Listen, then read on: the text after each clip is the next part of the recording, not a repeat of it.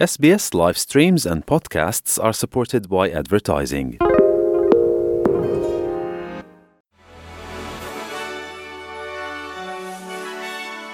大家好，我是 SBS 记者 Lauren。今天是二月八日，星期四。本期的 SBS 新闻快报主要内容包括：两党共同发布新报告，呼吁制定外交新政策，应对气候变化及中国崛起。另一份新报告称，企业抬高商品定价，推动了通货膨胀。国际方面，以色列拒绝了哈马斯的停火协议。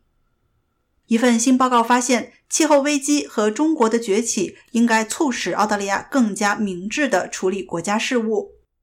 这份由智库机构亚太发展、外交和国防对话所制作的报告，由外交部长黄英贤和反对党外交事务发言人西蒙·伯明翰共同发布。报告指出，澳大利亚与世界的接触不能只由外交和国防部门负责，国家必须避免外交政策的自动驾驶。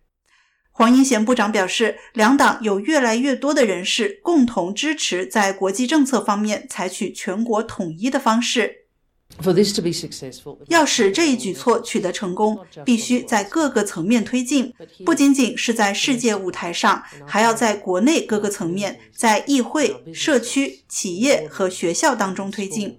我们欢迎所有澳大利亚人参与这场对话，我们欢迎所有人一起考虑如何在一个更具挑战性的世界中，为实现和确保澳大利亚的利益做出贡献。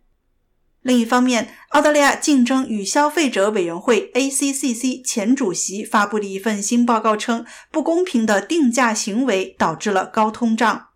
在这份由 ACCC 委托撰写的报告当中，艾伦·菲尔斯教授称，企业在推动通货膨胀方面所起的作用被忽视了。他表示，尽管新冠疫情对供应链造成了压力，但价格定价和利润率在通胀方面的作用需要得到适当的关注。报告称，企业对价格的实际设定对通货膨胀的影响相当大，而这一点往往被忽视。其他的因素受到指责，例如货币政策、战争等等，但商业价格对通胀的影响很大。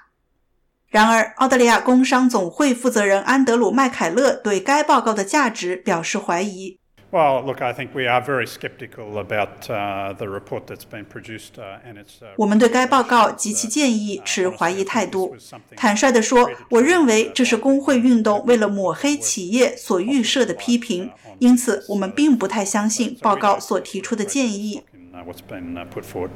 ACCC 在一份声明当中表示，他们将仔细审查该报告对重要经济政策问题的广泛贡献。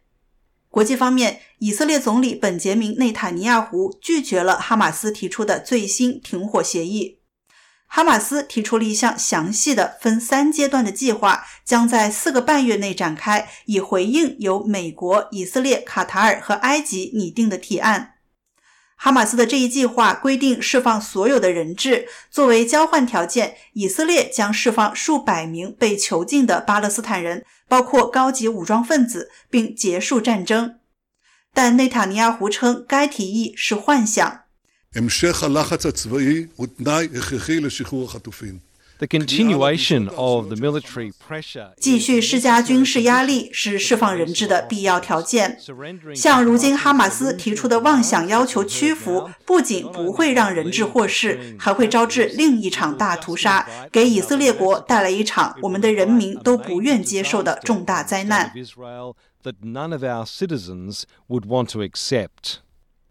一名哈马斯高级官员祖赫里告诉路透社记者，内塔尼亚胡的言论表明，他打算在该地区继续制造冲突，这是一种政治虚张声势。不过，美国国务卿布林肯表示，停火仍然有希望。Uh, 可以说，虽然哈马斯的回应中有一些明显的不切实际之处，但我们确实认为他为达成停火协议创造了空间。